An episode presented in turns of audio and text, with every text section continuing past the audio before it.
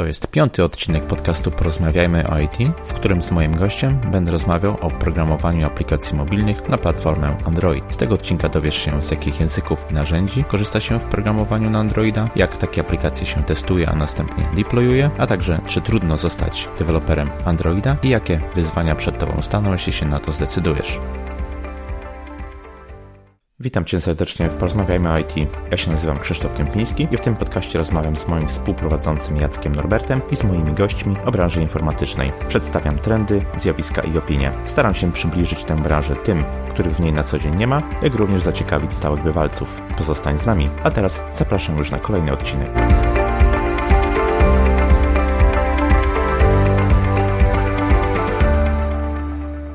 Dzień dobry, cześć. Witam Was w kolejnym odcinku podcastu Porozmawiajmy o IT.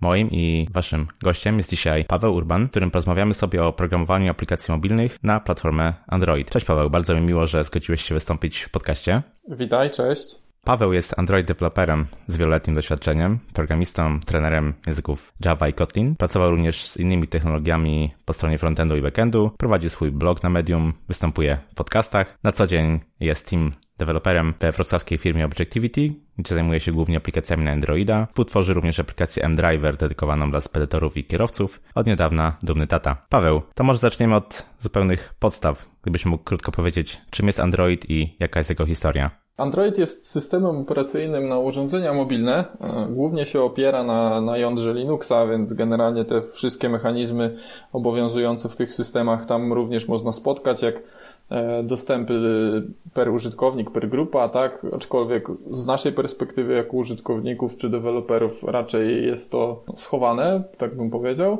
E, silnie też korzysta z dobrodziejstw Java, bo oni tam zaimplementowali własną wersję JVM-a mm, dla deweloperów na potrzeby platformy uruchomieniowej dla aplikacji. W tej chwili jest to najpopularniejszy system operacyjny, jeżeli chodzi o urządzenia mobilne. I właściwie jedyna alternatywa dla iOS-a na, to, na ten moment, pozostałe systemy stanowią jakiś tam margines. Kiedyś był Symbian, ale on, że tak powiem, umarł śmiercią naturalną. Podobnie się stało z Windows Phone'em, więc w tej chwili te dwie platformy e, okupują rynek. Początkowo on był tworzony przez małą firmę w Stanach, ona też się nazywała Android, Android Inc. dokładnie. E, w pewnym momencie Google ją wykupiło i system ten rozwijało sobie dalej. E, w 2008 oni zaprezentowali pierwsze urządzenia, Google zaprezentował swoje prototypy, natomiast w 2009 wyszedł już E, pierwszy telefon taki dostępny dla wszystkich był to HTC Dream. W Polsce e, znany jako RAG1. Sam go posiadałem, był bardzo fajny, miał taki wysuwany wyświetlacz i pełną klawiaturę kuwerty pod spodem było to super do pisania SMS-ów, tak? W tamtym czasie, bo jeszcze internet nie był tak powszechny. Jeżeli chodzi też o sam Android, to on teoretycznie jest open source'owy, jest taki projekt AOSP, e, czyli Android Open Source Project. Tak czy inaczej, w większości przypadków producenci urządzeń muszą uzyskiwać zgody Google'a na wydanie własnego systemu z tego względu, że Google do używania ichniejszych usług, e, ich aplikacji, jak na przykład właśnie sklep Play, czy YouTube, czy, czy ta wyszukiwarka, ta aplikacja Google'a wymaga jakiejś tam swojej certyfikacji, a siłą rzeczy wszystkie te rzeczy no, z perspektywy użytkowników, przynajmniej zdecydowanej większości, są bardzo ważne, tak? Więc tak czy inaczej pomimo tej otwartości systemu, Google musi certyfikować taki proces wydawania własnego systemu. Było parę tam przełomowych momentów w Androidzie. Z takich ostatnich chyba w 2015, jak wyszedł Android 6, to trochę zaczęli gonić iOS-a i wprowadzili te uprawnienia dla aplikacji, o które ona pyta już w trakcie uruchomienia, a nie, że jako użytkownik zgadzam się na wszystkie uprawnienia w momencie instalacji, bo tak naprawdę większość ludzi wcale tego nie czytała no i wiadomo, zgadzali się na ślepo na takie rzeczy, jak na przykład dostęp do kontaktów czy, czy SMS-ów, tak? Więc tak mniej więcej w dużym skrócie przedstawia się historia Androida i to, czym on jest. No właśnie, kilka razy wspomniałeś o Google jako takiej największej firmie, która stoi gdzieś tam za Androidem, ale Google w kontekście Androida pewnie najbardziej kojarzy się z całym systemem operacyjnym. Natomiast przeciętnemu zjadaczowi chleba Android gdzieś tam też kojarzy się z telefonami, prawda, które, które, na których system działa. I jestem ciekaw, czy jeszcze jakieś inne firmy w kontekście nie tylko programowania, ale również hardware'u stoją mocno za Androidem. Generalnie, jeżeli chodzi o Androida i jakieś firmy, powiedzmy takie szczegóły które mogą się kojarzyć z samym systemem operacyjnym. No oczywiście poza Googlem, e, który jest odpowiedzialny za sam system, tak, i, i w sumie też ekosystem, który urósł dookoła tego wszystkiego. E, myślę, że tak zaczynając od najważniejszych rzeczy, czyli samych urządzeń, samych telefonów, osobiście mam wrażenie i gdzieś tam chyba jest to też podparte statystykami, że Samsung tak naprawdę ma największy udział w rynku, jeżeli chodzi o sprzedaż telefonów związanych z Androidem. O ile wiem, to mocno też się trzyma w miarę e, Motorola czy LG. Huawei też ostatnio dosyć moim zdaniem dobre telefony wypuszcza, więc to bym powiedział, że tyle jeżeli chodzi o producentów. Mm, natomiast jeżeli chodzi o takie podzespoły, to o ile wiem, to Qualcomm chyba, jeżeli chodzi o producenta procesorów, tutaj też wiedzie prym, tak? Samsung, nie jestem tego do końca pewien, ale chyba też wypuszcza własne chipy, no i to mogłoby być jakieś tam odstępstwo. Tak naprawdę większość tych wszystkich, większość tych wszystkich urządzeń działa gdzieś tam na na procesorach w architekturze ARM są jakieś tam pojedyncze przypadki. Wiem, że w tabletach to chyba się zdarzało nawet częściej, gdzie oparte było o architekturę procesora intelowską. Więc tam też jakiś udział można przypisać Intelowi w tym, że, że ich procesory były stosowane w urządzeniach mobilnych. No właśnie, jest tych kilku producentów telefonów, kilku producentów rozwiązań hardware'owych, w związku z czym należy przypuszczać, że bardzo wiele jest też odmian wersji telefonów, na których działa Android. I tutaj zastanawiam się, czy, czy masz, znasz jakieś statystyki, jak duży jest ten, ten rozrzut, ten rozstrzał telefonów jako urządzeń, na których działa Android?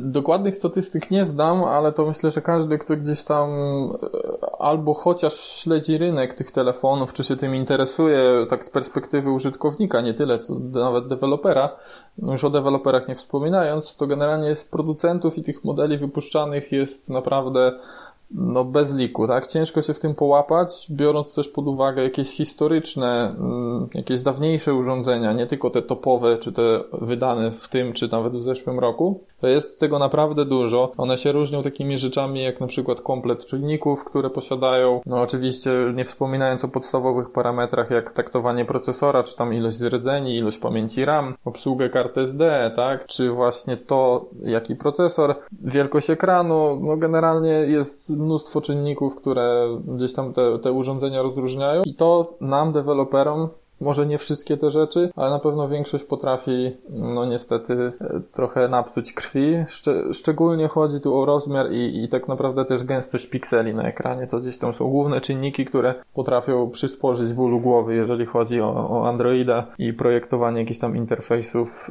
y, użytkownika, tak? Więc no tutaj rozstrzał jest naprawdę spory.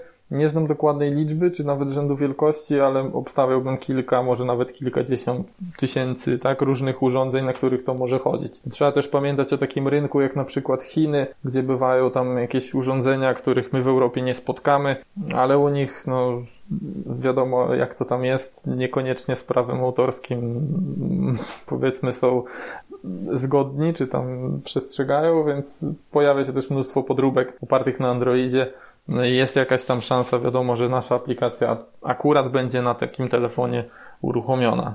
Aczkolwiek raczej się tego nie bierze pod uwagę, no ale przy jakichś tam większych aplikacjach tak się może zdarzyć, tak? Od problemów deweloperów związanych z tą wręcz nieprzewidywalnością konfiguracji to chciałbym może przejść za chwilkę, a teraz chciałbym z Tobą e, porozmawiać o temacie języka programowania, bo Android tutaj jest troszeczkę nietypowy. Nie mamy już do czynienia z jednym językiem programowania, ale wręcz z dwoma, które gdzieś tam prawie że zaczynają być równoprawne. Kiedy ja jakiś tam czas temu zacząłem się troszkę bawić Androidem, to no, był, była właściwie tylko Java, tak? Tak jak wspomniałeś na początku. I z tego co wiem, to jak gdyby ciągle jeszcze jest taki główny język, ale e, mamy do czynienia też z językiem Kotlin, który dosyć mocno tutaj wchodzi nam na rynek, zdobywa popularność i jestem właśnie ciekaw, jakie są twoje doświadczenia albo co, co, co masz do powiedzenia o tych dwóch konkurujących wręcz ze sobą językach na tą chwilę? Mm, ogólnie, jeżeli chodzi o te języki, których się używa, to tak naprawdę zależy w jaki poziom szczegółowości wchodzimy, ale tak jak powiedziałeś od samego początku, to była Java. Mm, gdzieś tam tak czy inaczej zetkniemy się z XML-em. No, może nie nazwijmy tego pełnoprawnym językiem, natomiast być może nie każdy miał okazję z tym mieć jakąś styczność czy coś, no, no to też e, się na to często napotyka. E, do tego od zawsze też była możliwość pisania dodatkowego kodu w C czy C++ ze względu na być może wydajność czy, czy jakiś dostęp do bardzo niskopoziomowych rzeczy, ale od samego początku można było pisać za pomocą tak, tak zwanego NDK, czyli Native Development Kit, e, swojego kodu C++, który dało się podłączyć do aplikacji androidowej. No i tak jak powiedziałeś, jakiś czas temu powstał, a na ostatnim Google I.O., bodajże to było wtedy, został ogłoszony też y, oficjalnym językiem Kotlin. E, to jest język stworzony przez firmę JetBrains, czyli e, tą firmę, która odpowiada za e, IntelliJ, który z kolei też jest podstawą do stworzenia Android Studio. Android Studio to tak naprawdę jest zmodyfikowany IntelliJ. Język Kotlin generalnie opiera się, no powiedzmy, że na Javie, z tego względu, że on też jest kompilowany do takiego samego formatu jak Java, czyli do takiego bytecodu, który jest uruchamiany na tych wirtualnych maszynach Java, ale co on nam wnosi jako deweloperom? Przede wszystkim jest tam dużo tak zwanych syntax sugar, czyli jakichś tam cukierków składniowych, które ułatwiają pewne mm, zadania. Dla mnie na przykład bardzo się podobają data klasy, nie trzeba pisać ręcznie tych metod equals, hashcode. E, bardzo mi się podoba też nie wiem, czy to nie jest zaczerpnięte z TypeScriptu, czy TypeScript to zaciągnął od nich, ale to, że w momencie deklarowania parametrów do konstruktora można od razu uczynić te parametry polami, nie trzeba ich dodatkowo definiować. Bardzo mi się też podoba tam dodatkowa, yy, tak jakby z automatu załatwiona delegacja, czy na przykład tak zwane właśnie delegaty do właściwości, że nie musimy pisać kodu, który nam odpowiada za tak zwane leniwe ładowanie, tylko jest to załatwione jakąś tam bardzo prostą dodatkową klauzulą. To są jakieś tam rzeczy, które w pierwszej kolejności przychodzą mi do głowy, Natomiast jest ich dużo więcej, jeżeli chodzi o ułatwianie życia właśnie deweloperom. Także za, naprawdę gorąco zachęcam do zapoznania się z tym Kotlinem. Znam nawet osobiście przypadki osób, które były dosyć sceptyczne. Ja sam zresztą na początku troszeczkę byłem, ale w momencie jak się zapoznały, jak spróbowały, zobaczyły, że tak powiem, coś więcej i coś poważniejszego dało, dane było im napisać w tym języku, to od razu się przekonały do tego, że to jest naprawdę bardzo fajne rozwiązanie, tak? Jeżeli piszemy kod w odpowiedni sposób, to nie musimy się też martwić takimi rzeczami jak wartości nul, tak? To jest jedna chyba z podstawowych rzeczy, którą autorzy chcieli rozwiązać tworząc nowy język, czyli uniknięcie tych no, bardzo przykrych wyjątków typu null pointer exception, że gdzieś odwołujemy się do czegoś, co no niestety na daną chwilę nie istnieje, jest tam po prostu referencja na, na pusty obiekt, na null. Zastanawiam się tutaj, czy to jest podobna rzecz jak w przypadku Apple'a, na przykład koegzystencja na początku Objective-C i Swifta, ale jednak Apple od początku mówił, że stawia na, na, na Swifta, tak, że to będzie raczej przejście w kierunku e, Swifta i teraz e, właśnie to, to się dzieje, czy już wręcz się stało. Zastanawiam się, jak to jest w przypadku e, Androida, czy, czy polityką Google'a jest to, żeby utrzymywać te dwa języki jako takie równoprawne, czy to być może jest raczej pierwszy krok, żeby to Kotlin stał się takim jedynym językiem, że tak powiem, codziennie używanym przez deweloperów. Co ty myślisz? Tak szczerze powiedziawszy, to troszeczkę ciężko mi zgadnąć, co, co Google ma na myśli. Ja mam wrażenie, że z Java oni jednak prędko nie zejdą, ze względu na to, że Kotlin, no pomimo, że jest bardzo fajny generalnie jest już tam któraś stabilna wersja, no to jest dosyć młody, tak? Zrzesza ludzi, którzy tą Java znają i być może będą chcieli na, na ten Android development się w jakiś sposób przebranżowić, przekonwertować, więc zostanie przy tej Javie myślę, że jak najbardziej będzie tu sensowne. Jedyne, co mogliby zrobić też, żeby tą Java, no nie wiem, jej nie ubić i to myślę, że po tym będzie widać, czy oni w ogóle w tym kierunku idą, jest y, nadganianie tak jakby z kolejnymi wersjami, bo niestety to jest jakiś tam minus tej platformy, że no oni niezbyt dobrze nadążają za tym, jak Java sama się rozwija, tak? No i w tym momencie korzystanie z takich ciekawych feature'ów Java 8, tak jakby bez konieczności dodatkowych bibliotek oczywiście, no to jest dostępne dopiero gdzieś tam od API 24 bodajże. Nie pamiętam, który to jest Android, chyba 7, ale no wcześniej niestety mogą być z tym problemy. Składnia jest dostępna, ale nie wszystkie API, takie jak na przykład streamy czy typy optional są dostępne, tak? Trzeba do tego zaciągać dodatkowe biblioteki. Natomiast jeżeli chodzi o Kotlin, ja myślę, że oni będą szli w dość powolnym tempie w tym kierunku, żeby jednak ten Kotlin się pojawiał coraz więcej, coraz częściej, mam wrażenie, że to jest kwestia czasu, e, kiedy on wyprze albo przynajmniej wskoczy na to pierwsze miejsce w preferowanych językach developmentu androidowego. Tylko mam wrażenie, że ten, ten czas nadejdzie no, dosyć późno, tak? Że, że to nie jest kwestia roku czy dwóch. Ja myślę podobnie. myślę, że to jest, to będzie taka powolna raczej e, ewolucja niż rewolucja, a myślę sobie, że jest też bardzo dużo aplikacji, bibliotek różnego softu napisanego z wykorzystaniem Java, więc to oczywiście nie może być tak, że nagle Java przestanie być e, wspierana. Ale skoro już sobie tutaj rozmawiamy o języku programowania, no to może przejdźmy płynnie do całego środowiska deweloperskiego, które jest wykorzystywane na co dzień pisaniu kodu. Jakie tutaj IDE, jakie, jakie toole są używane przez, przez programistów do tworzenia kodu? Jeżeli chodzi o takie środowisko deweloperskie, które nam deweloperom no, pozwala w ogóle pracować nad aplikacjami androidowymi, no to taką podstawą, już wyłączając z tego na razie IDE jakiekolwiek, to jest na pewno Android SDK, tak, czyli zestaw tych wszystkich klas, komponentów, y, emulator, narzędzia do budowania, które pozwalają nam taką aplikację w ogóle skompilować z tego kodu Javowego, tak? W skład tego wchodzi na przykład też takie narzędzie jak ADB, którym ja uważam każdy Android developer no, jakoś tam mniej lub więcej do czynienia musi mieć i, i tam jakieś podstawowe jego użycie chociaż znać. To jest takie narzędzie z linii poleceń, które ja na przykład bardzo często używam. Ono też e, jeżeli byśmy konfigurowali kiedyś jakiś swój serwer Continuous Integration, też no, bardzo się sprawdzi, tak, żeby tam pisać odpowiednie mm, polecenia na przykład do uruchomienia testów automatycznych na urządzeniu, czy instalacji tej naszej aplikacji, czy pozwala na przykład dostać się do, do shella, tak, do powłoki na urządzeniu, żeby tam sobie odpalić jakąś komendę, czy pobrać pliki, e, sprawdzić logi systemowe i tak dalej, i tak dalej. Do tego od czasu tak naprawdę wprowadzenia Android Studio parę lat temu, no takim narzędziem, które warto znać i które będzie nieodzowne dla Android dewelopera jest Gradle. Mm, to jest taki system do budowania, tak bym to nazwał, tożsamy nawet z Mavenem, mało tego, on chyba e, zależ zależności pobiera z tych samych źródeł co Maven. Oczywiście pozwala tam sobie ustawić repozytoria, ale działa to na podobnej zasadzie. W sensie wszystkie repozytoria Mavenowe przez Gradle będą spokojnie obsługiwane. E, mało tego, tam są pisane skrypty, które definiują nam jak to budowanie aplikacji ma wyglądać, jaka jest jej wersja, czy może jakieś dodatkowe zadania. Możemy sobie definiować tak zwane build warianty, e, czyli możemy wypuścić aplikację w wersji, załóżmy tam demo, free and paid. Tak, pierwszy przykład, który przyszedł mi do głowy. Z takich dodatkowych rzeczy, które nie są dostarczane powiedzmy na start od samego Google'a, to może być jakiś opcjonalnie customowy emulator, jeżeli komuś nie odpowiada ten zwykły. Tutaj przykładem takiego emulatora może być Genymotion, mm, który opiera się tak naprawdę na VirtualBoxie, tak? On instaluje obraz Androida na maszynie wirtualnej, tam podpina jakieś swoje interfejsy, żebyśmy mogli łatwo takie urządzenie udawać. Jeżeli chodzi o IDE, to no tutaj Prim wiedzie w tej chwili Android Studio, raczej to się nie zmieni. Kiedyś był to Eclipse. Ja raczej słabo wspominam te czasy.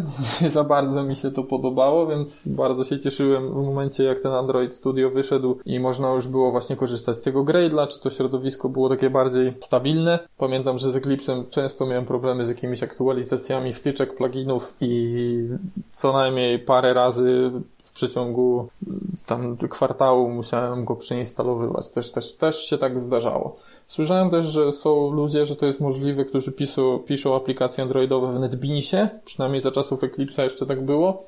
Nie wiem jak to wygląda teraz, natomiast widzę, że zdecydowana większość to jest Android Studio. E, tu warto też wiedzieć, że już o tym wspominałem, ono się opiera na IntelliJ'u i można również pisać aplikacje androidowe mając samego IntelliJ'a.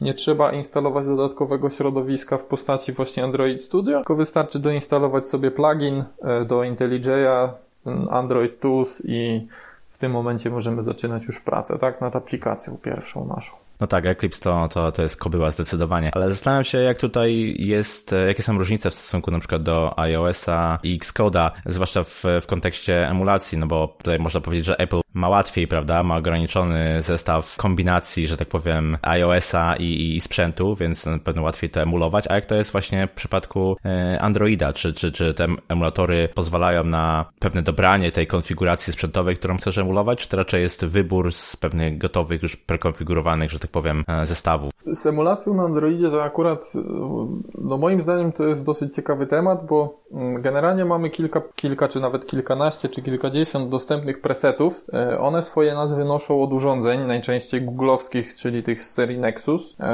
Więc możemy sobie wybrać na przykład Nexusa 6, że będzie emulował sześciotalowy ekran, odpowiednią rozdzielczość, odpowiednią pamięć, e, co też myślę jest ważne, bo z tego co ja pamiętam w iOSie na symulatorze pamięć dostępna w samym symulatorze była równa pamięci dostępnej na komputerze, który się uruchamiało. Pamiętam to stąd, że kiedyś przy projekcie iOS-owym nie mogłem odtworzyć na symulatorze błędu związanego z brakiem pamięci, e, bo występował on tam na jakimś starym iPadzie dwójce, natomiast na samym urządzeniu było to odtwarzalne bez problemu. Natomiast no w Androidzie jak ustawimy sobie pamięć taką, a nie inną, no to ten emulator faktycznie tyle zarezerwuje. Oczywiście poza tymi presetami sami mamy możliwość tam ustawienia odpowiednich parametrów, takich jak właśnie pamięć dyskowa, pamięć RAM, rozdzielczość, gęstość tego ekranu i tak dalej, i tak dalej, więc akurat ja tu mówię cały czas o tym oficjalnym emulatorze oczywiście. Udostępniają też oni, co wydaje mi się bardzo fajne, usługi Google Play w ramach emulatora, i to może być o tyle plus, że ostatnio Google bardzo szeroko wychodzi z tym swoim, z tymi usługami z, spod flagi Firebase, tak? Czyli wszelakie bazy danych, jakieś tam cloud messaging, czyli te notyfikacje push. To wszystko tylko, że tak powiem, da się wtedy bez problemu sprawdzić na emulatorze, czy tam jak się korzysta z tych usług Google Play, e, to też jest to możliwe do przetestowania. Nie ma jakichś tam problemów. Kiedyś to tak było, że niestety te usługi nie były dostępne na emulator, no i nie dało się aplikacji korzystającej z usług Google e, przetestować. Trzeba było mieć realne urządzenie. Emulator też androidowy w ostatnim roku bodajże przeszedł jakiś dosyć gruntowny remont, że tak to nazwę i moim zdaniem jest dużo wydajniejszy, bo kiedyś to była strasznie ciężka kobyła i mam wrażenie, że właśnie w odpowiedzi na to powstał ten Genymotion, ten customowy emulator, który opierał się na VirtualBoxie. Natomiast w tej chwili ja mam wrażenie, że te emulatory działają bardzo sprawnie, bardzo szybko i nie ma tu jakichś większych kłopotów z nimi. No to dobrze to słyszeć, bo jeśli chodzi o platformę iOS, to, to faktycznie mm, dosyć dobrze te symulatory działają, podobnie jak w przypadku Androida, ale tak jak wspomniałeś na początku, zdarzają się od czasu do czasu takie wpadki, że nie, to środowisko jednak nie jest w pełni oddane i nie zawsze da się powtórzyć jakiś błąd, który na sprzęcie e, występuje. A powiedz, czy do pisania aplikacji na Androida potrzebujemy jakiś e, specjalny sprzęt albo, albo na przykład system operacyjny, czy, czy, czy to jest do, dowolne? Jeżeli chodzi o Androida, to akurat no porównując go tu co nieco do iOS-a, e, mam wrażenie, że tu jest dużo lepiej, bo właściwie możemy na dowolnym systemie operacyjnym takie środowisko, czyli ten Android Studio sobie uruchomić. W sensie może to być Windows, może to być Linux, może to być też z powodzeniem macOS. Nie ma z tym problemu. To wszystko tam uruchomimy. Natomiast jeżeli chodzi o sprzęt, no ja bym powiedział tylko, że raczej powinien być dość mocny. W sensie zdarzyło mi się pracować na komputerze, który miał załóżmy tam 4 GB RAMu i zwykły dysk talerzowy, nie SSD, no to tutaj już potrafił być problem. Moim zdaniem taki optimum, jeżeli ktoś chciałby faktycznie tak poważnie się tym zajmować, to jest minimum 8 GB RAMu i jakiś tam dysk SSD, żeby był w miarę szybki. Wtedy to odczucie z tej pracy jest takie dosyć no dosyć fajne, tak? W sensie nic tam się nie przycina, nic się nie zawiesza. Da się to w rozsądnym czasie te aplikacje budować, uruchamiać i nie sprawia nam to, że tak powiem, jako deweloperom żadnego problemu, tak? Żadnej frustracji. Dobrze jest też moim zdaniem mieć dwa monitory na stanowisku, no bo gdzieś tam sam widzę też po sobie, że często, gęsto jednak mamy gdzieś odpalone te IDE i fajnie mieć też obok dostęp do dokumentacji, czy tam do właśnie jakiegoś Stack Overflow, czy, czy GitHuba, żeby sobie pewne rzeczy rzeczy móc łatwo wyszukać. No ale to już kwestia preferencji, jak kto lubi pracować, no i oczywiście jakie ma możliwości. Powiedzmy, że mamy już tą aplikację naszą napisaną, przechodzimy do etapu testów. I jestem ciekawy, jak to tutaj wygląda na Androida. Czy mamy jakieś narzędzia do tego, czy jesteśmy zdani na testy na urządzeniach? Mm, jeżeli chodzi o testy takie w trakcie developmentu, no to generalnie o tym już wspominałeś. Mamy emulator, czyli możemy to sobie na nim odpalić, więc na upartego nie potrzebujemy mieć telefonu. Aczkolwiek teraz w tych czasach, jeżeli Android stanowi większość w rynku, ktoś chce się tym zajmować, więc najprawdopodobniej taki telefon ma, albo przynajmniej ktoś z rodziny, może ktoś w domu też posiada. Myślę, że to nie jest problem gdzieś taki, takie urządzenie zdobyć. Ja nawet preferuję testowanie na urządzeniach, no bo to zawsze jest jednak telefon na żywo, można to sobie dokładniej sprawdzić, e, zobaczyć też wielkość tych elementów, czy to jest czytelne, czy da się trafić pewne elementy. Tak to wygląda. Na pewno testy manualne, zarówno my jako deweloperzy, ja myślę, że to jest bezdyskusyjne, że każdą zmianę czy każdy nowy feature zaimplementowany powinien być uruchomiony na telefonie i chociaż jakoś pobieżnie przeklikany. Mm, to zależy oczywiście, czy mamy jeszcze in testerów takich dedykowanych, dostępnych, e, ale no gdzieś tam strasznie nie lubię sytuacji, jak słyszę, że, że bywają deweloperzy, którzy piszą kod, nie sprawdzą tego, bo stwierdzą, że to do nich nie należy i, i tyle, tak? Tutaj niestety Android może jest fajny, ale jest dużo miejsc, w których można się niestety wyłożyć, to niezależnie od doświadczenia, więc fajnie sobie wszystko, co piszemy zawsze sprawdzać, tak? Więc mieć takie urządzenie czy uruchomiony emulator pod ręką. E, do tego jeszcze, poza takimi manualnymi testami, one są oczywiście też wykonywane przez QA-ów, jeżeli pracujemy w jakimś większym projekcie gdzieś tam w firmie, to mamy do dyspozycji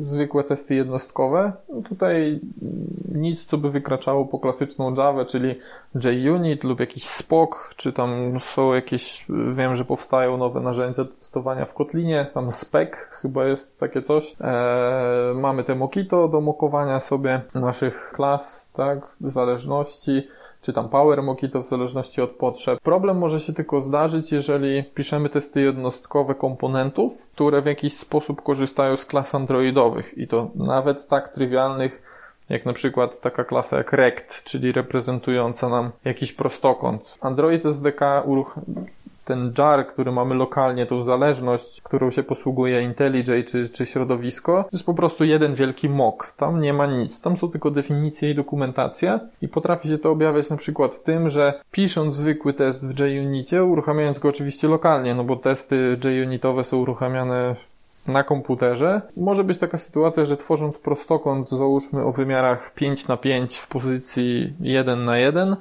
on zwróci nam same zera. Tak? Bo niestety Android SDK jest zamokowany. I tu wchodzi takie narzędzie, które się nazywa RoboElectric, które, że tak powiem, pozwala na wykorzystywanie tych klas androidowych tam jest popisany szereg tak zwanych shadowów, czyli takich cieni, które udają te klasy androidowe i to pozwala nam na uruchomienie tych testów, mając zachowaną tak jakby tą logikę androidową, czy tam przynajmniej udawaną tą logikę na komputerze. Nie musimy uruchamiać tych testów na urządzeniu. Te testy uruchamiają się wtedy trochę wolniej, ale w dalszym ciągu nie potrzebujemy urządzenia czy emulatora do uruchomienia takowych testów, więc polecam z takim narzędziem się zapoznać. E, no do tego mamy oczywiście jeszcze szereg możliwości, jeżeli chodzi o testowanie mm, tak zwane funkcjonalne, czy testowanie UI-a. E, mamy Espresso, to jest framework od Androida. On generalnie tak jakby ma dostęp do całej aplikacji, do kodu aplikacji. Tam odwołujemy się do, element, do elementów po tekście, czy tam po identyfikatorze e, i możemy testować sobie w ten sposób e, interfejs użytkownika. Oczywiście taki test musi być odpalony na emulatorze lub na urządzeniu. E, z Espresso trzeba pamiętać tylko o tym, że ono obejmuje tak jakby tylko naszą aplikację, bo jest jeszcze inne narzędzie, które się nazywa UI Automator i ono pozwala, że tak powiem, na wykonywanie tak zwanych testów blackboxowych, czyli mm, mamy dostęp oczywiście do naszej aplikacji, ale już jakby z perspektywy bardziej użytkownika, ale możemy też w pewien sposób tam gdzieś sobie poza zakres naszej aplikacji troszeczkę wyjść. E, mało tego, dla większych i dłuższych projektów. Możemy też wykorzystać takie narzędzie jak na przykład chmury testowe i mamy nasz polski test Droid, e, mamy coś takiego od AWS-a, co nazywa się Device Farm. E, i Google pod właśnie szyldem Firebase oferuje taką usługę jak Test Cloud. I te usługi w dużym skrócie polegają na tym, że mamy jakąś tam pulę urządzeń, możemy sobie wybrać różne przeróżne i na nich możemy uruchamiać właśnie te testy e, interfejsu użytkownika. Wykorzystanie tego jest różne, zarówno jako pojedynczy deweloper możemy na przykład na AWS-ie sobie wykupić tam parę minut e, odpalić test na na przykład jakimś telefonie, którego wiemy, że nie mamy i ciężko będzie nam zdobyć żeby sprawdzić w jaki sposób coś się psuje, albo czy właśnie coś, co się wiemy, że zepsuło, czy to już jest naprawione, albo możemy na przykład zaprząc sobie większą pulę urządzeń do cyklicznego uruchamiania testów, żeby na przykład wyłapywać jakieś regresje tak, w naszych aplikacjach. Więc tutaj zastosowań tych chmur testowych też może być wiele. Czyli faktycznie mamy bardzo wiele możliwości, żeby testować naszą aplikację pod różnymi e, względami. A powiedz jeszcze propos testowania, czy takie testowanie funkcjonalne, tak? Czy takie klikanie po, po interfejsie to jest coś, co jest czasochłonne i co zjada dużo zasobów, czy też można dosyć swobodnie sobie to używać? E, mówisz teraz o tych testach automatycznych UI-owych, czy o manualnych? O testach automatycznych. Testami automatycznymi generalnie no problem czy nie problem jest taki, że no te testy trzeba napisać, tak? Jeszcze jak jednostkowe w miarę powiedzmy jest na to czas, czy nawet e, często w ramach po prostu implementowania pewnych feature'ów się pisze, no bo mamy dostęp do kodu, do klas, do metod, więc i tak chcemy je sprawdzić, jakoś to tam pokrywamy tymi testami jednostkowymi. No tak już przy tych testach UI-owych trzeba się troszeczkę tam napracować, nie? Różne rzeczy też mogą tam nie wypalić. Jest kwestia synchronizacji z pewnymi zdarzeniami, jak na przykład oczekiwanie na dane, e, kwestia zamukowania takich zewnętrznych zależności, jak jakieś API na przykład, czy jakieś źródła danych. Wiadomo, testy niekoniecznie dobrze, jeżeli polegają na jakimś zewnętrznym serwisie, chyba że są to testy integracyjne, więc tu może to stanowić jakieś wyzwanie. E, szczerze to bardzo mało projektów widziałem, które tak silnie korzystają z tego Espresso czy UI Automatora. Ja w tej chwili w takim projekcie w pracy się znajduję, aczkolwiek te testy gdzieś tam kiedyś były napisane przez testerów, powiedzmy z umiejętnościami w obszarze automatyzacji takich testów. W poprzedniej pracy też e, znałem po prostu gdzieś tam prywatnie osobę, która była takim testerem automatycznym i jej zadaniem, ona tam sobie skakała po projektach, było właśnie dopisywanie tego typu testów do już istniejących aplikacji, tak? Oni implementowali takie własne frameworki do pisania takowych testów, czy wręcz te testy realizowali. Natomiast jeżeli chodzi o deweloperów, to jeszcze się nie spotkałem, tak? Żeby to Espresso czy UI Automator. Najczęściej to jest niestety tak, że te aplikacje powstają dla jakichś tam startupów, czy coś takiego i no nie ma na to czasu, czas goni, lecą e, z featureami i niestety one no, często gęsto nie powstają. No aczkolwiek chciałbym, żeby to wyglądało inaczej, tak? Ale rzeczywistość niestety jest jaka jest. Czyli tutaj Android nie jest jakoś szczególnie różny od innych platform programistycznych, w sensie każdy wie, że testy pisać trzeba i że należy i że to ma sens i się opłaca, ale oczywiście w praktyce i w rzeczywistości często okazuje się, że albo na to nie ma czasu, tak jak wspomniałeś, albo pieniędzy, prawda?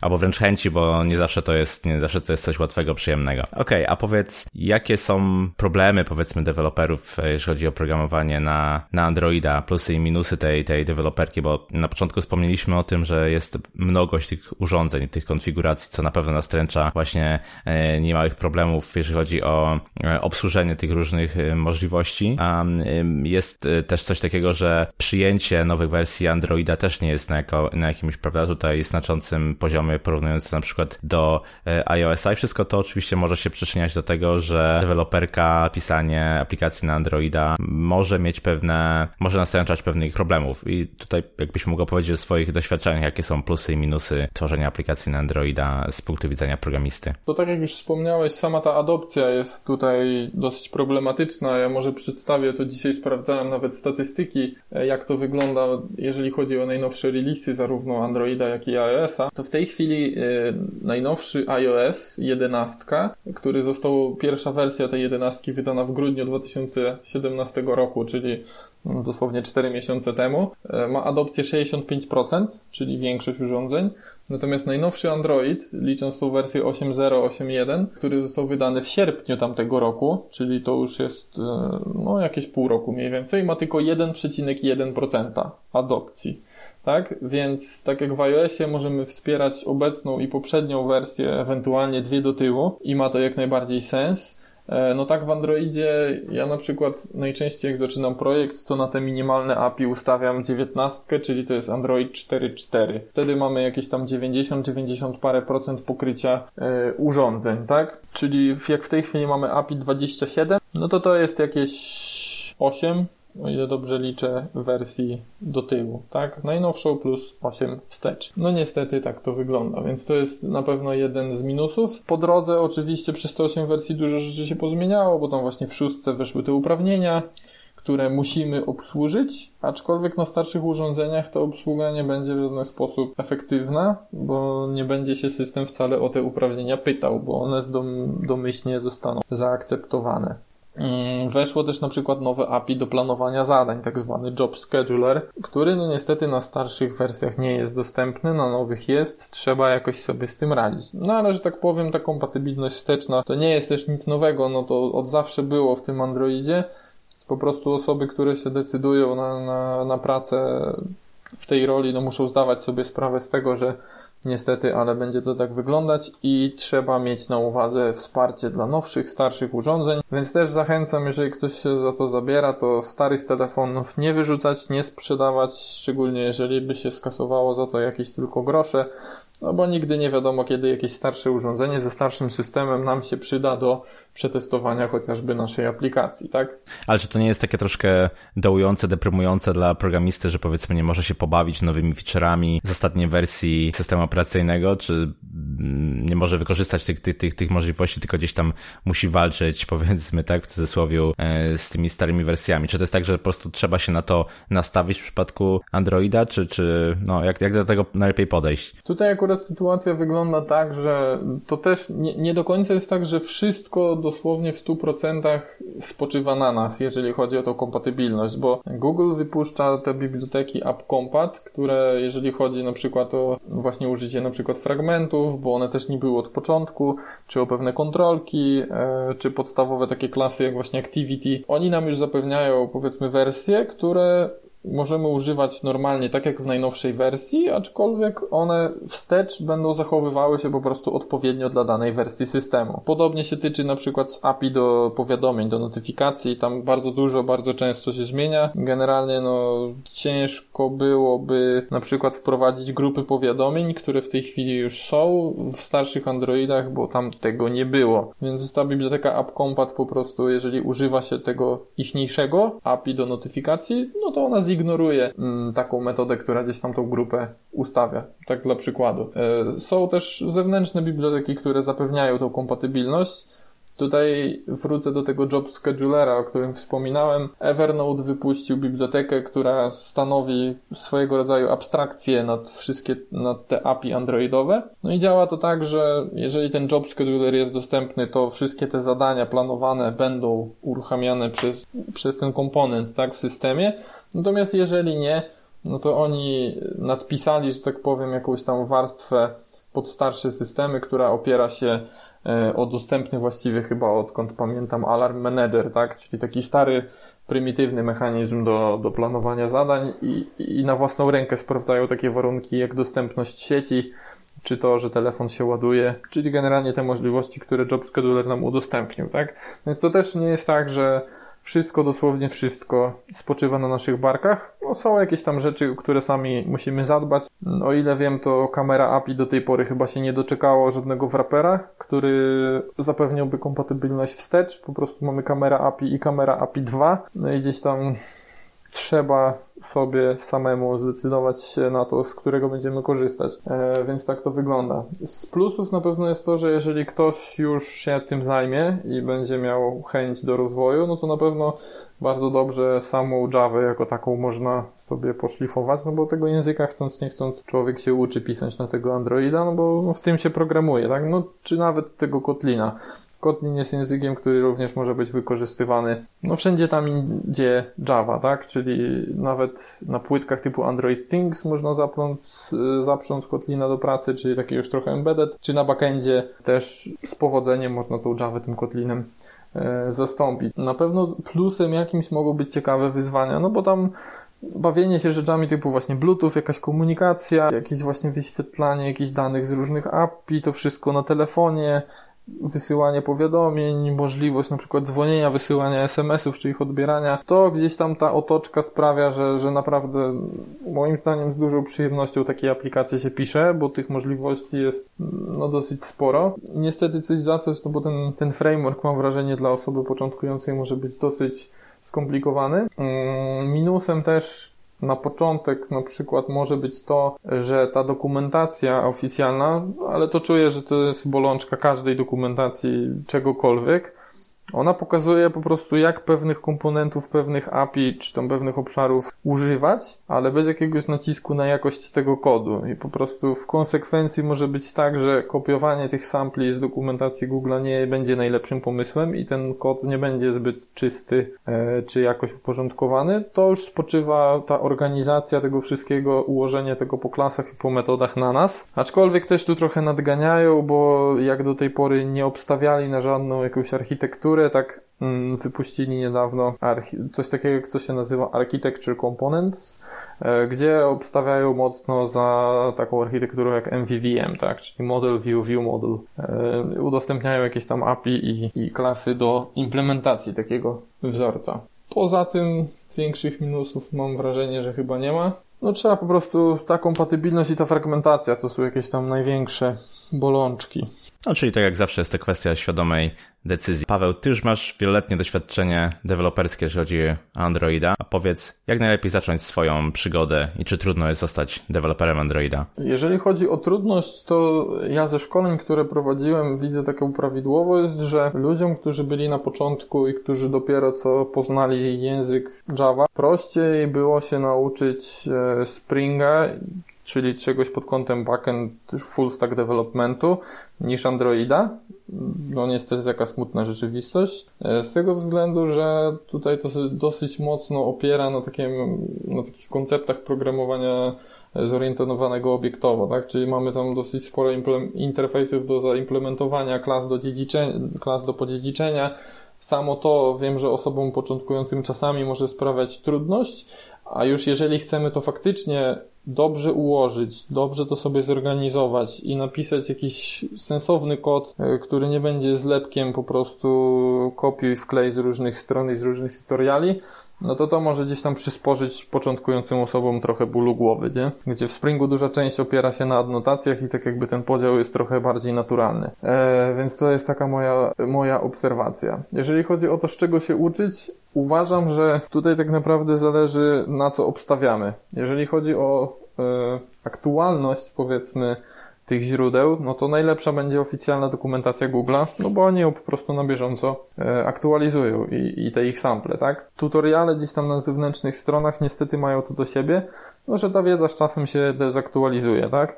I taki tutorial w tej chwili dwu, trzy czy czteroletni to może być już no, nieaktualny, jeżeli targetujemy przynajmniej na najnowszą wersję systemu. E, myślę też, że w przypadku akurat Androida dobrym pomysłem jest przerabianie może nie tyle tutoriali, co kursów wideo. Z tego względu, że no my widzimy, co się dzieje. Z reguły wykładowca tłumaczy na bieżąco, co robi, dlaczego robi, więc to nie jest też przeklepywanie z tutoriala i usiłowanie do czytania się o co chodzi. Więc to moim zdaniem jest taka forma no dosyć, e, dosyć ciekawa i chyba najłatwiej, że tak powiem, trafiająca do, do uczącego się. E, z takich ostatnich kursów od podstaw, które wiem, że podsta- powstały niedawno, to e, Michał Gellert na Udemy niedawno wypuścił taki właśnie podstawowy kurs Androida, czyli jak po prostu rozpocząć pracę, tak? Jak zacząć, jak się w to wdrożyć, stworzyć jakąś pierwszą aplikację, żeby już później, wiadomo, móc sobie dalej z jakąś tam swoją pracować. Oczywiście, no jak już pójdziemy gdzieś tam sobie krok dalej, no to pozostaje kwestia rozwiązywania jakichś problemów, które napotkamy, bo ile można pisać aplikacje z tutoriali, w końcu zdecydujemy, że chcemy pisać jakąś swoją. No i tutaj można napotkać szereg jakichś przeszkód, jakichś problemów, z którymi będzie ciężko nam samemu walczyć. Oczywiście poza mm, no, takim źródłem chyba pierwszym, które przychodzi do głowy, jakim jest Stack Overflow, to myślę, że przede wszystkim społeczność. Jeżeli chodzi o Androida, można oczywiście sobie poszukać przeróżnych forów. Polecam też takie miejsce jak Slack czy Discord, poszukać sobie odpowiednich kanałów, gdzie można zadać jakieś tam pytanie, czy kogoś się dopytać o pomoc. Przykładami takich społeczności w Polsce to na przykład jest Slack devs.pl albo JVM Poland, gdzie mamy dedykowane kanały po prostu androidowe, gdzie można się o coś zapytać. E, ja tam też często jestem i, i, często się udzielam, staram się przynajmniej. Jeżeli chodzi o zagraniczne, no bo też e, ta społeczność, że tak powiem, jest dosyć szeroka międzynarodowo, są też takie slaki jak Android Chat czy Android United. Tam można spotkać osoby z przeróżnych krajów, to są slacki anglojęzyczne. Można tam również wejść, zapytać się o pomoc, czy, czy, czy pochwalić się jakąś swoją aplikacją. A dla osób, które się interesują Kotlinem i w tej materii chciałyby jakąś pomoc uzyskać, jest jeszcze Slack Kotlin Lang, na którym również można no, gdzieś tam się dopytać o, o jakieś problemy, tak? Więc tutaj miejsc jest naprawdę sporo. Mało tego, myślę, że warto też y, spróbować w pewnych przypadkach poszukać sobie kogoś doświadczonego gdzieś tam właśnie czy w takich społecznościach, czy na Twitterze, czy na przykład z e, agent jakichś tam konferencji, czy meetupów, zaobserwować ich na Twitterze, ewentualnie napisać wiadomość. Myślę, że, że, że znajdzie się na pewno ktoś, kto będzie skory do pomocy.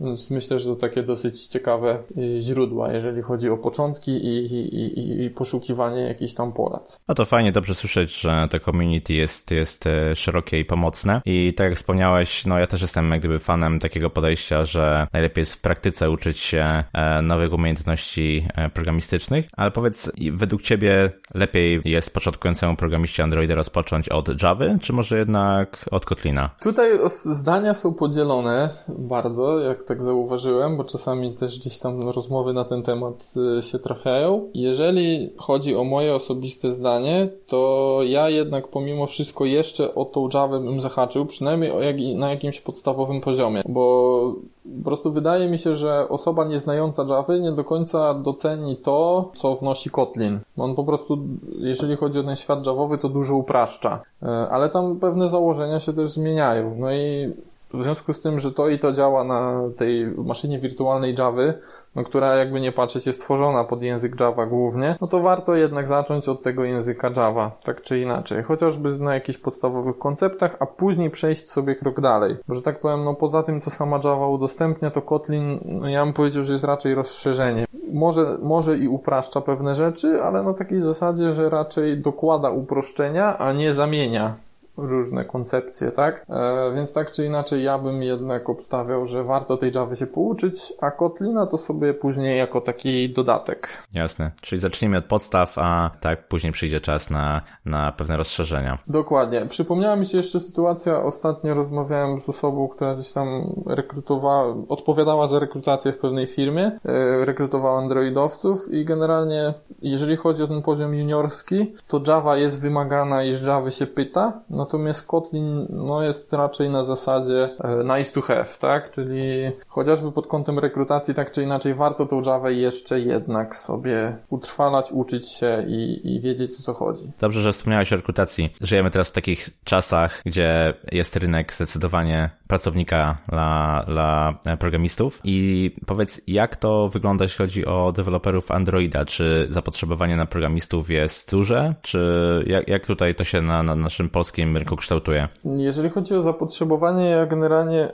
mam wrażenie, że ono w ostatnim czasie się ustabilizowało, że tak powiem. W sensie jeszcze dwa lata temu, myślę, coś koło tego, przynajmniej tu na rynku wrocławskim, bo to gdzieś tam jest najbliższy dla mnie i, i głównie jego obserwuję, e, to tych ofert było masę. W tej chwili no nie jest ich mało, dalej jest czym przebierać, natomiast mam wrażenie, że jest ich mniej e, niż było jakiś czas temu. Trochę mam wrażenie, że ten powiedzmy rynek czy ten obszar się lekko może nie nasycił, ale właśnie ustabilizował. W sensie e, nie szukają już tak ludzi tak naprawdę masowo, aczkolwiek w dalszym ciągu są mile widziani. Po prostu porównując to na przykład do Java, do, do deweloperów, takich typowo Java deweloperów czy .NET deweloperów, to tych ofert jest dużo mniej, tak? Natomiast w dalszym ciągu, mówię, nie jest to na tyle margines, nie powiedziałbym o tym, że to są jakieś, to są jakieś nieliczne oferty, że mamy jeżeli szukamy w czym przebierać i, i wybierać, tak? Więc zapotrzebowanie jak najbardziej jest, e,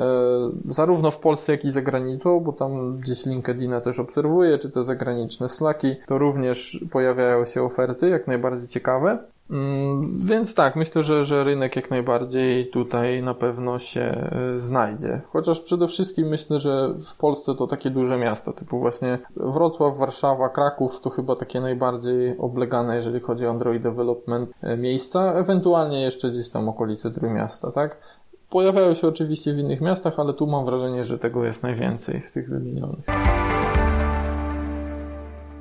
Chciałbym teraz porównać programowanie mobilne do innych takich najbardziej popularnych gałęzi, że tak powiem, e, programistycznych typu programowanie webowe czy desktopowe. Bo w przypadku programowania webowego mamy dosyć taki wyraźny podział na ten frontend i backend, prawda? Jak to jest w przypadku oprogramowania programowania mobilnego? Czy to jest programowanie bliższe frontendu, czy też tak naprawdę połączenie obydwu tych części, tak, frontendowych i backendowych w jednym? Jak to, jak to można najlepiej byłoby tutaj porównać? Ja kiedyś usłyszałem takie stwierdzenie, że Android to tak naprawdę jest frontend i no nie jestem w stanie się z tym nie zgodzić. Powiem tak, no bo tak naprawdę no, to jest interfejs użytkownika, oczywiście z jakimiś tam dodatkowymi możliwościami, no ale sprowadza się do tego, że mamy aplikację, którą musimy użytkownikowi wyświetlić, zaprezentować mu jakieś dane, umożliwić mu wykonanie jakichś tam akcji, więc no z tym się na pewno zgodzę. Natomiast nie powiedziałbym, że to jest tylko frontend. W sensie ja bym bardziej umiejscowił to gdzieś pomiędzy, między frontendem a backendem, bo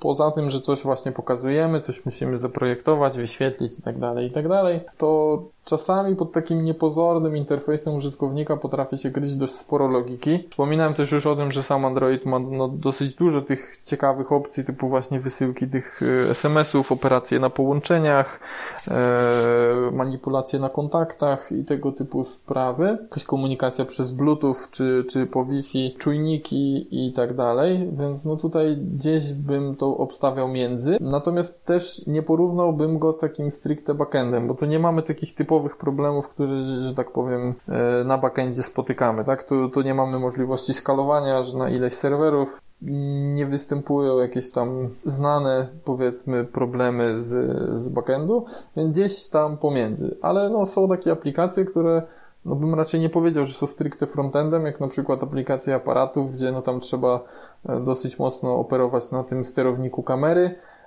czy tak jak ta aplikacja, którą ja rozwijam, e, mDriver, gdzie no, sam UI jest dosyć skromny, bym powiedział, tam jest parę ekranów na krzyż e, i tak naprawdę odnoszą się one tylko do jakiegoś tam ułamka funkcjonalności całej aplikacji.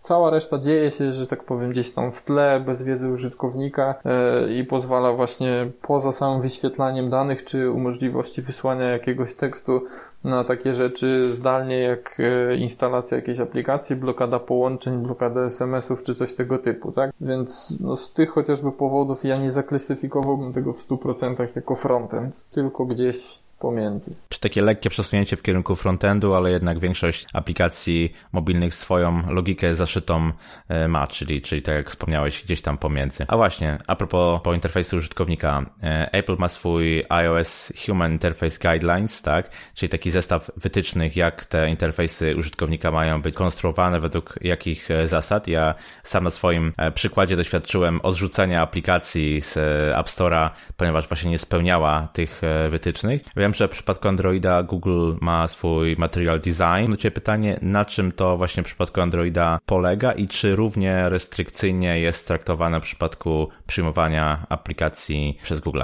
Jeżeli chodzi o weryfikację i material design, to że tak powiem, te sprawy mam wrażenie, że nie są ze sobą tożsame. W sensie Google nie weryfikuje, jeżeli chodzi o wygląd tych aplikacji. To jest jakaś tam tylko automatyczna weryfikacja, ona trwa parę godzin I o ile się orientuję, to oni sprawdzają tylko i wyłącznie jakieś tam kwestie bezpieczeństwa, jakieś tam znane luki, bardziej skupiają się na tym. Nie jest to tak wnikliwe jak e, w Apple, jak w App Store. Jeżeli chodzi o sam UI, to generalnie z naszej perspektywy jako deweloperów nie, nie wymagany jest jakiś dodatkowy wysiłek już w tej chwili, żeby ten material design gdzieś tam przynajmniej pobieżnie był spełniony. Same te biblioteki AppCompat tak jakby dorzucają nam już styl, powiedzmy, do aplikacji, który powoduje, że one są tworzone zgodnie z tym, tak? E, jest jeszcze też dodatkowa biblioteka AppCompat Design, która udostępnia pewne kontrolki, które mogły nie pojawić się w poprzednich wersjach, żebyśmy mogli ich używać tak, żeby na, na każdym urządzeniu to było, e, to wyglądało tak samo.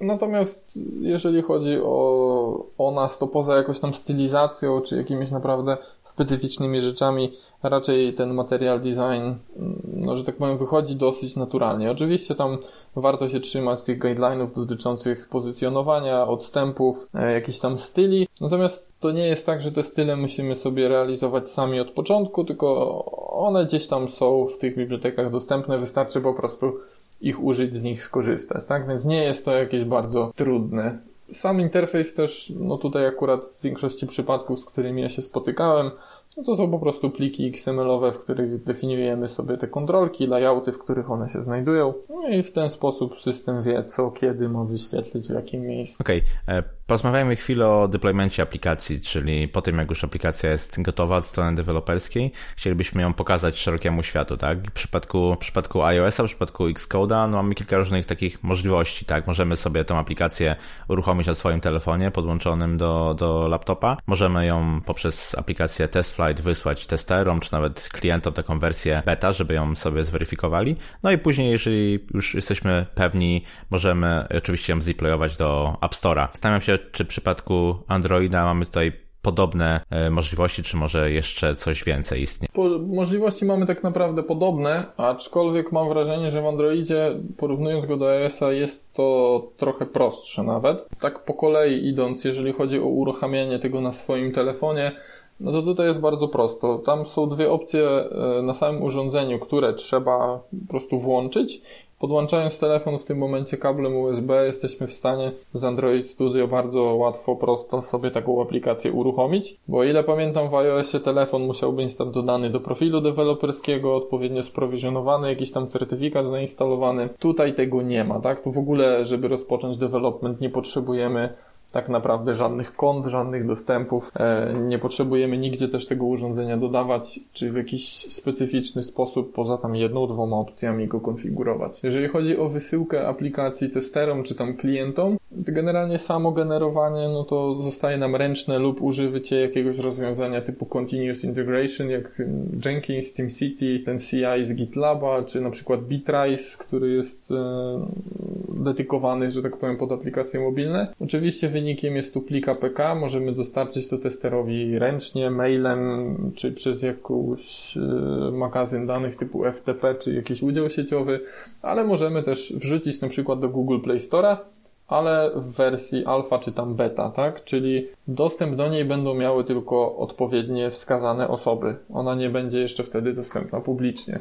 Możemy też użyć jakiegoś zewnętrznego narzędzia. Tutaj najbardziej mi znany to jest Fabric Beta, gdzie możemy właśnie taką aplikację w wersji testowej udostępniać użytkownikom. Dla mnie to jest taki odpowiednik właśnie test flighta z iOS-a, tylko to nie jest zintegrowane. Oczywiście pomijając to te, te alfy i bety z Play Store'a, to to można by sobie do test flighta w 100% porównać, bo to jest mechanizm dostępny jakby od, yy, od dostawcy systemu ale są też zewnętrzne usługi, jak ten właśnie Fabric Beta. Plus jest taki, że nie musimy wtedy zakładać konta Google na Play Store, które kosztuje 25 dolarów, tylko Fabric Beta jest darmowy, e, więc jeżeli chcemy tylko i wyłącznie dystrybuować wersje testowe, to to, to się bardziej finansowo tak opłaca. Sama publikacja już publicznie do sklepu, tak jak wspominałem, no, w Google wystarczy konto za 25 dolarów i możemy w tym momencie nasze aplikacje do, wrzucać do sklepu. Tam oczywiście trzeba mieć odpowiednie screeny, opisy i tak dalej. Ta weryfikacja trwa zazwyczaj kilka godzin i e, o ile pamiętam bywało często tak, że wieczorem wrzucając aplikację czy aktualizację ona rano była już e, z dużą dozą prawdopodobieństwa dostępna dla wszystkich, więc to idzie dosyć szybko. No i właśnie tam mamy te ciekawe opcje, jak na przykład właśnie ta alfa czy beta releasy, lub możemy stopniowo wypuszczać nową wersję, określając procent użytkowników, do których ma trafić update, monitorować. Jeżeli wszystko jest ok, to sobie albo ten procent zwiększać, albo wypuścić już dla reszty. Dosyć ciekawe rozwiązanie, bo pozwala, że tak powiem, szczególnie przy jakichś dużych, ryzykownych zmianach, sprawdzić, czy wszystko jest w porządku na jakimś e, procencie użytkowników. Jeżeli coś jest nie tak, to możemy update wycofać. Jeżeli wszystko ok, to możemy wtedy puścić na, na, na całą resztę, tak? Więc tutaj możliwości też jest dosyć e, sporo i są dosyć fajne. No to faktycznie bardzo fajna opcja. Tak jak wspomniałeś w przypadku iOS-a, nawet żeby sobie na swoim urządzeniu, na swoim telefonie podłączonym kablem chcesz przetestować, to faktycznie trochę tych certyfikatów trzeba różnych e, wygenerować. Aczkolwiek te nowsze wersje Xcode'a już gdzieś tam pozwalają to troszeczkę zautomatyzować, tym niemniej ciągle jednak jakieś manualne kroki są, e, są wymagane. Nie wiem, czy w przypadku Androida istnieje też taka możliwość, że taka aplikacja działająca na telefonie właśnie podłączonym przez, e, przez kabel jest możliwa do zdebagowania, tak? Czyli, czyli działa sobie na, na tym urządzeniu, a my mamy wgląd do różnych e, rzeczy, które, które mogą się wydarzyć. Możemy sobie obserwować, no, możemy po prostu debagować aplikację. Czy w przypadku Androida też podobne możliwości istnieją? Tak, jak najbardziej to też jest dosyć proste. To polega to na tym samym, co zwykłe uruchomienie, tylko po prostu uruchamiamy to z Android Studio w trybie debug e, i na tym się to sprowadza. W tym momencie tam możemy mieć podgląd właśnie na pamięć, możemy zatrzymywać program w odpowiednim momencie. Oczywiście możemy wyrzucać pewne rzeczy do logów i te logi możemy sobie podglądać. Tu o logach też e, warto wspomnieć, że logi tak naprawdę z aplikacji są dostępne z całego systemu. Czyli nawet jeżeli mamy aplikację nie naszą, której my nie rozwijamy, która jest po prostu zainstalowana i ona coś do logów wrzuca, to my je możemy podejrzeć takim narzędziem jak Logcat. Myślę, że warto o tym pamiętać, żeby właśnie z naszej aplikacji być może czegoś nie wyrzucać już jak publikujemy ją do sklepu, tak? Bo każdy może to obejrzeć, więc jeżeli gdzieś sobie logujemy jakieś żądania sieciowe, czy jakieś wrażliwe dane, no to no niestety to może powodować wyciek jakichś tam tych danych, tak? Ponieważ każdy może to zobaczyć, więc na to warto uważać, no ale też warto wiedzieć, że inne aplikacje, jeżeli logują, też możemy podglądać, ale tylko na zasadzie logów, bo zdebagować już nie możemy. Debagujemy tylko i wyłącznie e, nasze aplikacje, tylko naszą aplikację mamy możliwość zdebagować. Wspomnieliśmy tutaj kilka razy już o sklepie z aplikacjami i zastanawiam się, czy na tworzeniu swoich własnych aplikacji na Androida i później publikowaniu ich można e, zarobić. Pytam dlatego, że jakiś czas temu słyszałem coś takiego, że większość na przykład producentów gier, ale to już tak jak mówię, było jakiś czas temu, pewnie kilka lat temu, większość producentów e, gier i tego typu rzeczy bardziej skupia się na App Store, ponieważ tam użytkownicy bardziej skłonni są do płacenia e, za aplikację, a w przypadku Androida jednak użytkownicy no, przyzwyczajeni są do darmowych wersji oprogramowania i czy, czy według Ciebie na wypuszczaniu swoich aplikacji można, da się zarobić? Wydaje mi się, że jeżeli chodzi o Androida, to wypuszczanie płatnych aplikacji, no może się niestety, ale spotkać właśnie z jakimś tam drobnym oporem.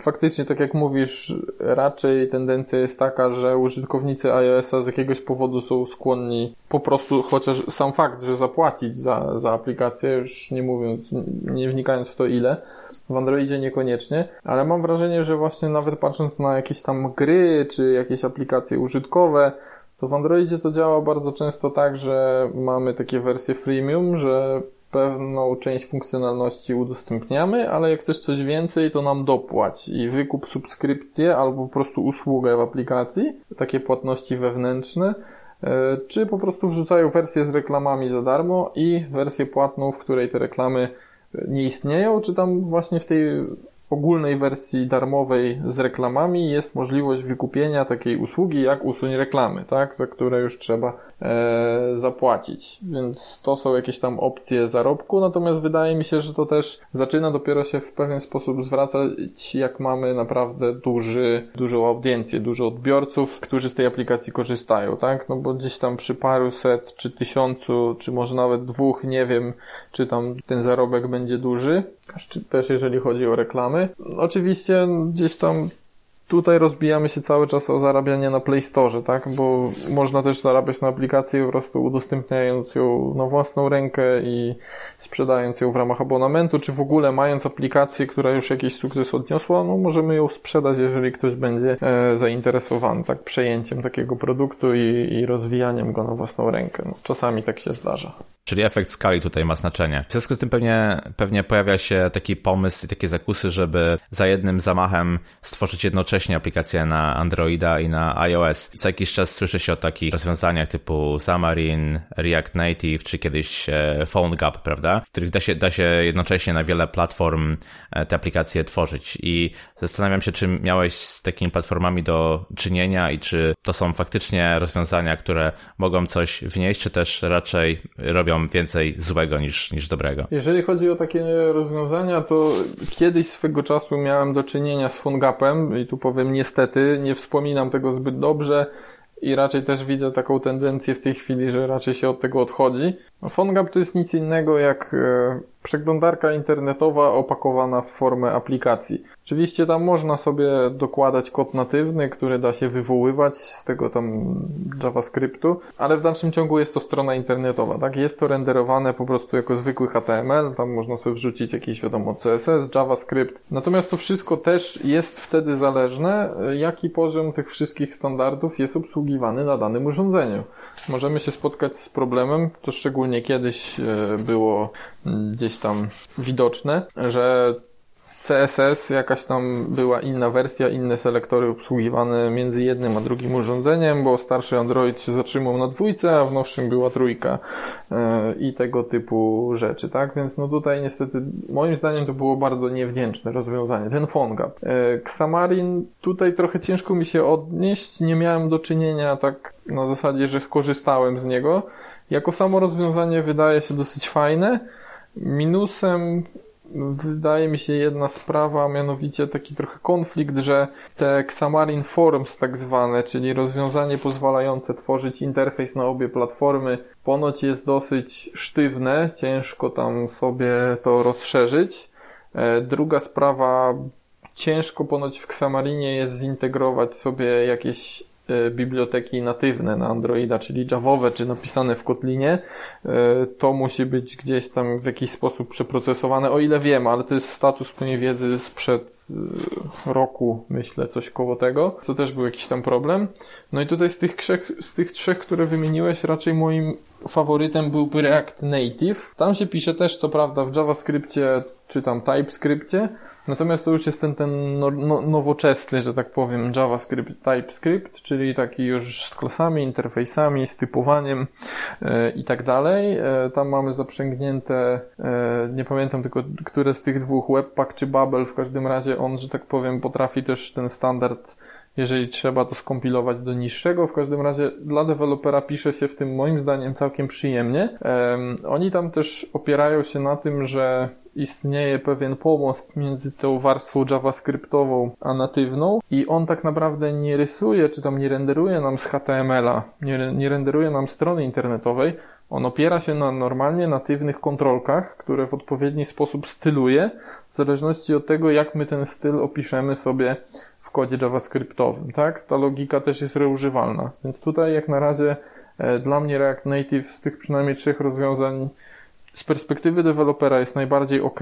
No myślę, że z perspektywy jako tako biznesu też będzie to e, znośne. O ile wiem, frontend deweloperowi, który na Reakcie sam takim webowym dobrze się zna, też nie jest to duży problem wskoczyć w React Native'a. Też wydaje mi się, że e, stosując tego typu rozwiązanie, że przerzucamy załóżmy frontend dewelopera do, na, do natywki, ty, e, przepraszam, do aplikacji mobilnej, tylko pisanej w frameworku hybrydowym, ta wiedza jednak o, tych, o tej platformie mobilnej w dalszym ciągu się przydaje i jest niezbędna, tak? Tak czy inaczej ta osoba musi wiedzieć. Jest jeszcze jedno rozwiązanie gdzieś tam na horyzoncie, nazywa się Flutter. Jest, jest to rozwiązanie od Google'a. E, też jest to rozwiązanie hybrydowe, czyli pozwala na pisanie jednocześnie pod Androida i pod iOS. Jedynym moim minusem moim zdaniem jest tam po prostu język inny niż, niż wszędzie, którego trzeba się douczyć. Oni tam używają Darta. Mm, no ale to gdzieś tam myślę, że bariera jest do, do przejścia. Nie miałem też jeszcze możliwości tego przetestować, ale tak na pierwszy rzut oka wygląda mi to tak trochę, e, że jak ktoś miał do czynienia z Kotlinem czy ze Swiftem, to nie powinien mieć większego problemu, żeby w tego Darta się wdrożyć. I tam oni w ogóle znowu zastosowali inne podejście, bo tam całe renderowanie interfejsu użytkownika, tak od zera, już rysowanie jego obsługa zdarzeń i tak dalej, jest po stronie tego ichniejszego frameworku, tak? Czyli tam już nie renderujemy, nie renderujemy strony internetowej, tam nawet nie opieramy się na kontrolkach natywnych, tylko cały interfejs użytkownika jest rysowany przez ten framework Dzięki temu też ten, ten interfejs, ta aplikacja chodzi bardzo szybko, bardzo płynnie. To w tej chwili jest rozwiązanie w fazie beta, oni tam pracują chyba nad optymalizacjami w tej chwili, e, więc no tylko czekać, aż wypuszczą wersję stabilną, ale zapowiada się bardzo obiecująco. Super, Paweł. Bardzo dziękuję za dzisiejsze spotkanie. Świetnie, że podzieliłeś się swoją wiedzą i doświadczeniem na temat Androida. I powiedz, jak najlepiej się z Tobą skontaktować i gdzie Cię można znaleźć w internecie? Najszybciej można mnie znaleźć właśnie na Slackach e, devs.pl lub JVM Poland. Tam praktycznie codziennie gdzieś tam jestem dostępny. E, dodatkowo na Twitterze, na LinkedIn czy na Medium, tak jak już wspominałeś, można odnaleźć moje profile. Na Medium poczytać sobie jakieś tam artykuły, które wyprodukowałem i to chyba takie główne kanały, którymi się komunikuję na zewnątrz. Świetnie, na pewno linki do wszystkich tych źródeł i miejsc, gdzie można Cię znaleźć, załączę w notatkach do tego odcinka. Jeszcze raz Ci bardzo dziękuję. Dzięki i do usłyszenia. Dziękuję również, do usłyszenia. I to na tyle z tego, co przygotowałem dla Was na dzisiaj. Wyszła nam dosyć długa, ale bardzo rzeczowa rozmowa z Pawłem, która mam nadzieję przybliży Wam wszystkie aspekty związane z programowaniem aplikacji mobilnych na Androida. Po więcej informacji zapraszam Was na stronę porozmawiajmy o it.pl łamane na 5. Tam też możecie zadawać pytania i skomentować ten odcinek podcastu. Wielkie dzięki, zapraszam do subskrypcji i do usłyszenia następnym razem. Cześć. Dziękuję Ci serdecznie za wysłuchanie kolejnego odcinka podcastu Porozmawiajmy o IT. Chcielibyśmy, aby ten podcast docierał do jak najszerszego grona słuchaczy. Możesz nam w tym pomóc, zostawiając gwiazdki i opinię w katalogu iTunes lub innej aplikacji, z której korzystasz do słuchania podcastów. Będziemy Ci wdzięczni za podzielenie się informacją o tym podcaście w mediach społecznościowych. Jeszcze raz dzięki za bycie z nami i do usłyszenia w kolejnym odcinku. Cześć!